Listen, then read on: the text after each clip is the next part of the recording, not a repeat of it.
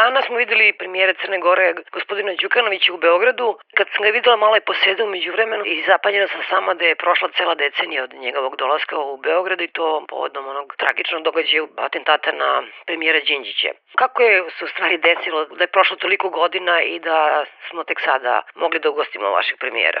Pa jeste čudno, jeste na neki način paradoksalno, jeste istorijski paradoks da su ga gostili ljudi koji su upravo u vremenu kada je on bio poslednji put u Beogradu bili njegovi žestoki politički protivnici i protivnici politike Zorana Đinđića. I to samo govori koliko su te balkanske dijabole ili parabole, kako god ih nazvali, stalno prisutne. Šta se to desilo? Pa desilo se dosta toga. Pravo je pitanje možda zbog čega su gospodina Đukanovića ugostili oni koji su mu bili protivnici prije deset godina, a zbog čega Đukanović nije bio u Beogradu u vremenu kada je kompletnu vlast držao Đinđićev nasljednik Boris Tadić, sa kojim je Demokratska partija socijalista Đukanovićeva imala jako dobre odnose i programske sličnosti. Dakle, očigledno se neke stvari dešavaju onda kad moraju da se dese. Hoću reći, očigledno je došlo do zaokreta politike zvaničnog Beograda prema Podgorici i Đukanović evo ignorisanje da tako kažem dolaska u Beogradu poslednjih deseta godina bio je neki u stvari politički iskaz onoga što se zove hladni rat koji jeste bio u vrijeme Koštunice, ali se nažalost nastavio i vrijeme Tadića. Mislim da je ovo neka poruka koja može da važi i za Crnogoru i za Srbiju, a to je da je Đukanovićev dolazak i mora se reći vrlo prijateljske razmjene poruka sa Dačićem i Vučićem neka makar simbolična najava da će se odnosi Srbije i Crne Gore bazirati na interesima, partnerstvu, na zajedničkim poslovima, a ne na onome što je uvijek dijelilo, a to su mitovi, prisvajanje i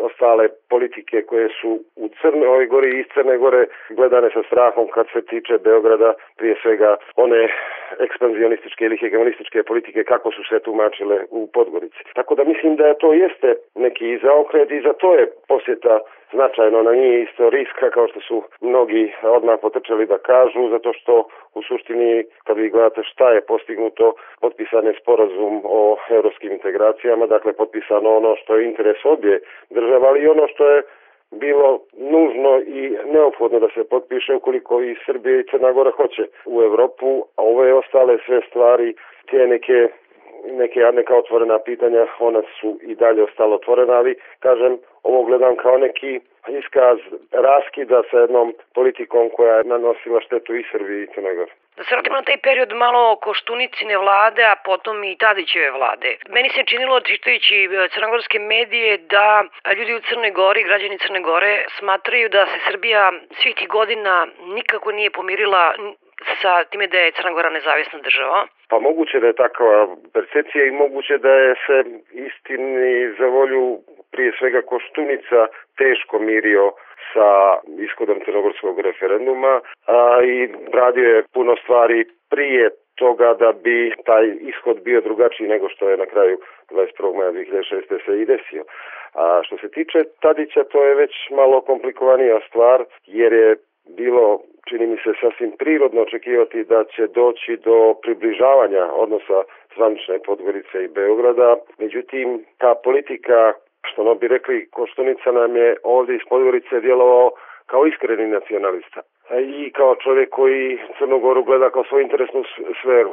A politika Borisa Tadića je marketinški bila drugačije osmišljena i zamišljena, međutim suštinski i to nije teško dokazivo i kroz razne strategije koje vlada Srbije usvajala, ali i kroz aktivnosti koje su Tadićevi ljudi sprovodili ovdje u Crnoj Gori i na neki način koketirali pa i organizovali u velikoj mjeri opozicijono djelovanje, odnosno dijelo opozicije u Crnoj Gori. Ta je politika Tadića, kažem, izgledalo da će biti drugačija od Koštuničine, ali ona je suštinski bila nastavak te iste politike interesne zone. I šta je bio strah u Podgorici, da li osnovan ili neosnovan, sad je to drugo pitanje, ali je on bio evidentan makar kad govorimo o crnogorskim zvaničnostima i crnogor, crnogorskoj vlasti. Bio je strah da ne od promjene granica. Jasno je da od referenduma da su granice nepromjenjive i da je disolucija Jugoslavije završena i na kraju sa Kosovom i tako dalje. Nego je bio strah od sindroma Republike Srpske. Dakle, da se pod uticajem Beograda u Podgorici, neću reći instalira, ali formira vlast koja bi u suštini bila praktično vlast e, koja bi nalikovala onoj Dodikovoj, dakle da više gleda u pravcu Beograda nego u pravcu svog dvorišta. To je dakle bio jedan strah koji je bio vrlo očigledan kod Đukanovića i drugih čelnika crnogorske vlasti. Da li on istovremeno i vjerujem da je istovremeno korišten i za unutrašnje političke borbe u Crnoj Gori, ali činjenica je da je politika Tadićeva bila prema Crnoj Gori ne mnogo različita u odnosu na Koštuničinu. Mislim da je Tadićeva politika što se tiče zvanične Podgorice bila poprilično razočarenje. Da li bi se mogli da mi ilustrujete na koji način se može reći da je vlast u Srbiji, da li Koštuničina, da li Tadićeva, intervenisala, tako da kažem, u Crnoj Gori na neprimjeren način? Pa evo, recimo prije referenduma imali ste one čuvene diskete koje su slate za Brisel sa spiskom crnogorskih državljana koji žive u Srbiji, pa pritisak da u Crnoj Gori glasaju i oni koji žive u Srbiji iako nemaju mjesto prebivališta. Dakle, to su neki tehnički detalji. Kod uh, politike Tadića nije bilo tako direktnih poteza.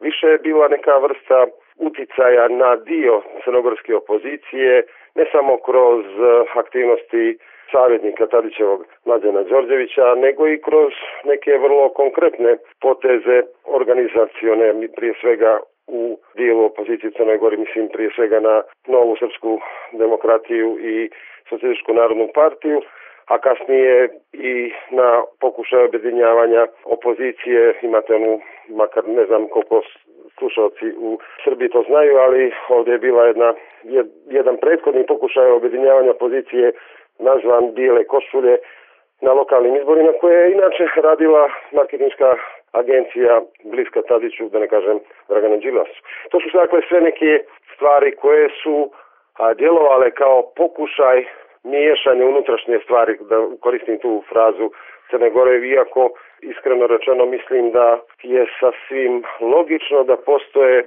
bliže veze između recimo partija kao što su Koštunični DSS ili Tadićev DS ili na kraju krajeva Vučićev, Vučićevi naprednjaci sa nekim partijama ovdje nego sa Đukanovićem. I ono što jeste iznenađenje jeste u stvari zaokret naprednjaka, ta, ta da, da kažem, nepisana prijateljska veza između raznorodnih kao što su Toma Nikolić i, Milo Đukanović.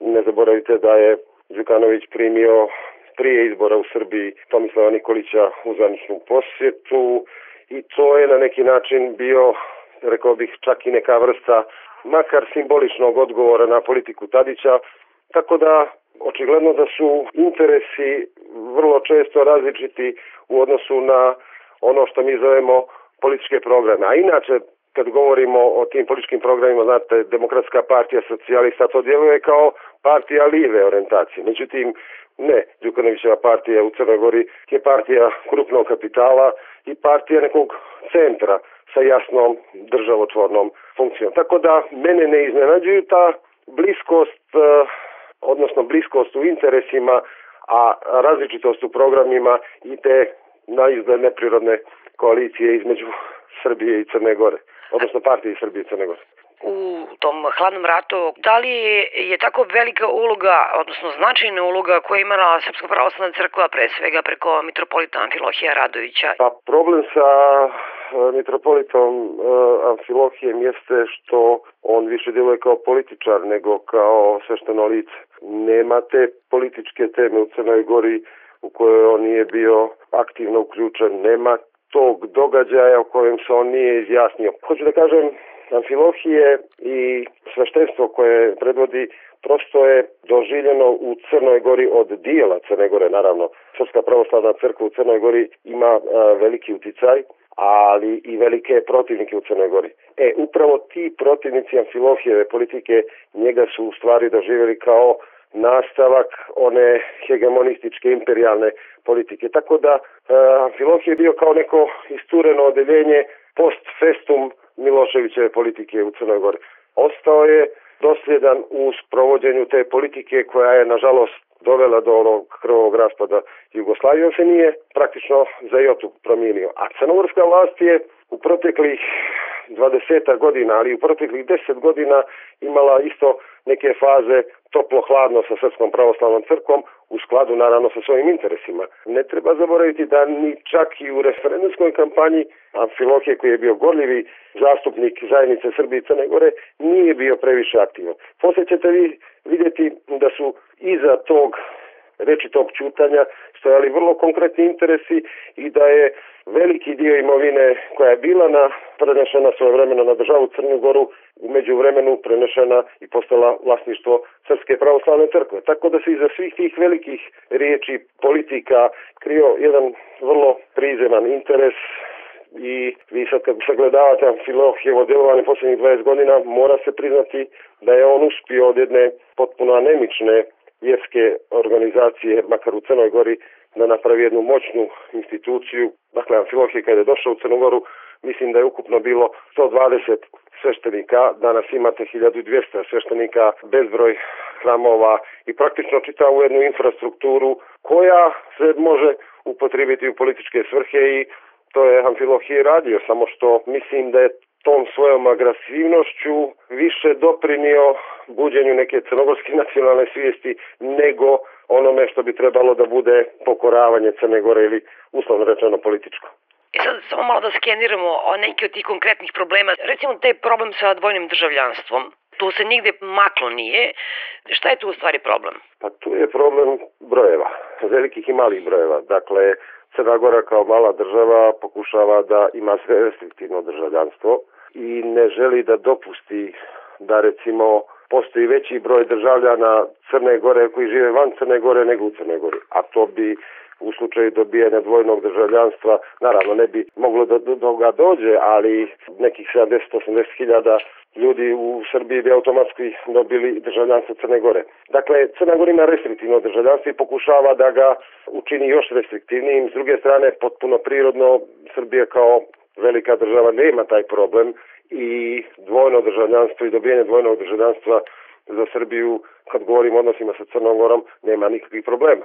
E, mislim da se taj problem neće neće prevazići, makar ne u skorije vrijeme, ukoliko ne dođe do recimo nekih promjena u izbornom zakonodavstvu Crne Gore, što bi opet postavilo pitanje da li su bi takve promjene ili sprečavanje glasanja crnogorskih državljana bilo uopšte moguće i izvodljivo. Dakle, ja ne vidim kako će se problem dvojnog državljanstva prevazići, jer mislim da Crna Gora neće odustati od ovog tvrdokornog stava i vrlo restriktivnog e, zakona o državljanstvu. Drugih nekih velikih sporova u ovim administrativnim smislu nema. Crna Gora i Srbija nemaju nikakvih teritorijalnih sporova u ekonomiji, osim platnog prometa koji je stvar dogovora dvije centralne banke, vi nemate nekih veliki problem Srbije je najveći spolno trgovinski partner Crne Gore. Ono što po meni jeste problem koji se sad nije nije otvorio, a koji će ipak mora da se otvori, jeste ipak, bez obzira što mi govorimo stalno i tu mantru ponavljamo, o Crnoj Gori kao građanskoj državi, ali definitivno položaj Srba u Crnoj Gori jeste jedno od pitanja koje će morati da se rešava.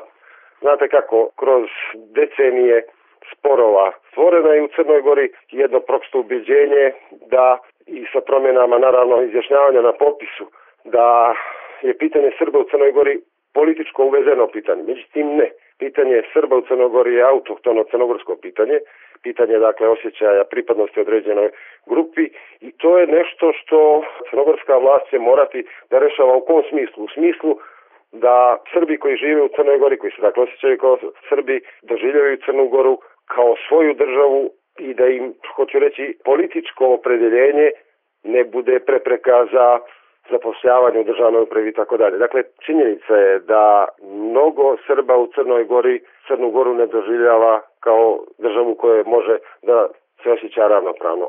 To nije dobra stvar. Različiti su uzroci, različiti su motivi. Ne možete za to da krivite vlast kao što mnogi po znacima navoda analitičari rade ili ne možete da krivite samo vlast. Međutim, činjenica je da problem postoji i činjenica je da problem mora da se rešava. Nije dobro za jedno društvo kao što je Crnogorsko, u kojoj nemate izrazitu većinu. Nije dobro ako dio velike manjine, a kažem dio te velike manjine, dakle oko 30% je Srba u Crnogori, pa ako i 1% ili 2%, a ne kao što imamo po istraživanjima mnogo veći procenat se ne osjeća Crnu Goru kao državu koju može ravnopravno da živi. To nije dobra stvar i možemo da te stvari stavljamo po tepih, ali oni će kad tada izaći. Zato mislim da crnogorska vlast to pitanje još uvijek nije ni pokrenula.